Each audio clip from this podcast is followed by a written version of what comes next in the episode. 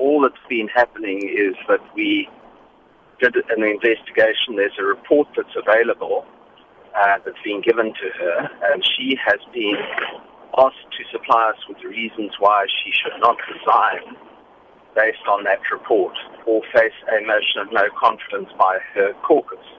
Self sê die inhoud van die verslag mag nog nie aan die publiek bekend gemaak word nie. No, I, uh, it's sort of confidential to the members FedEx and and her and her legal team. She has until midday tomorrow that she her lawyers wrote to us this morning to ask for an extension and we're probably going to give it to her.